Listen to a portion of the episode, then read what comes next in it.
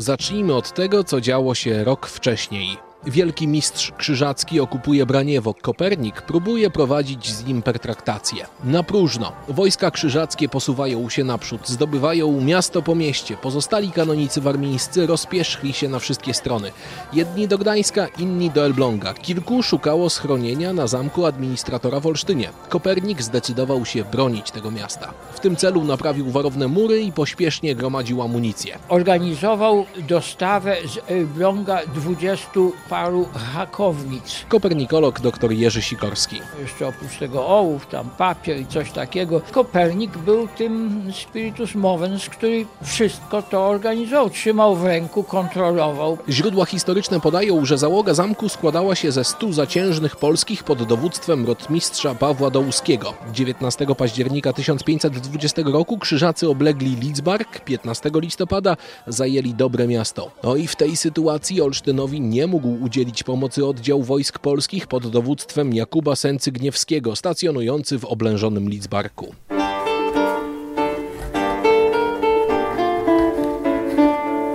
Kanonicy postanowili zwrócić się z prośbą o pomoc do króla polskiego. W tym celu wystosowali błagalny list. Pokornie błagamy wasz święty majestat, aby raczył nam jak najśpieszniej przyjść z pomocą i wesprzeć skutecznie. Pragniemy bowiem czynić to, co przystoi ludziom szlachetnym i uczciwym oraz bez reszty oddanym waszemu majestatowi, nawet jeśli by przyszło nam zginąć. List w imieniu kapituły po łacinie napisał Kopernik, ale prośba nigdy nie dotarła do adresata, bo została przejęta przez krzyżaków. Król na szczęście inną drogą dowiedział się o zagrożeniu głównej twierdzy na południowej Warmii i pod koniec listopada nadesłał posiłki. Z odsieczą przyszedł Henryk Peryka z Janowic, a z nim stu zbrojnych.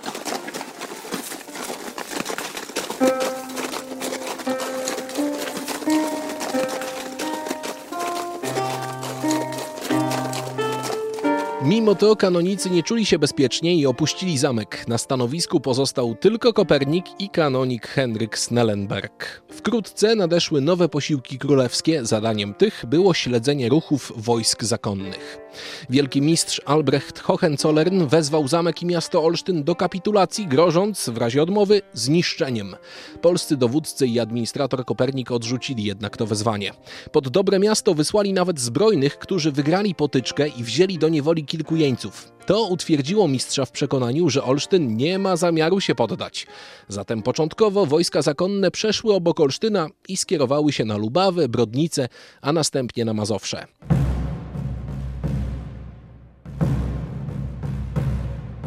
Załoga zamku czuła się na tyle odważna, że wysłała kolejną grupę jeźdźców pod dobre miasto po żywność. Oddział krzyżacki natomiast pod dowództwem Wilhelma von Schaumburga wyprawił się na Olsztyn z zamiarem odebrania zabranego bydła. Rozbili kilku polskich konnych i tu zaczyna się właściwa, ale krótka historia o ataku na olsztyński zamek.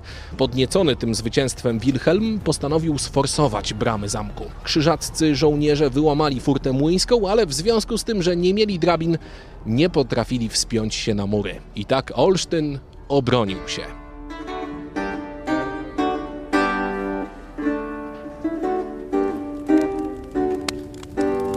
Ale z wojny polsko-krzyżackiej Warmia nie wyszła zwycięsko. Wiele wsi zostało doszczętnie zniszczonych, część miast spalonych. A jak to wszystko się skończyło? Nowy cesarz rzymski Karol V Habsburg wezwał do natychmiastowego zaprzestania działań wojennych. W obliczu nowego wspólnego wroga, najazdu Turków na Węgry, podpisano rozejm 5 kwietnia 1521 roku.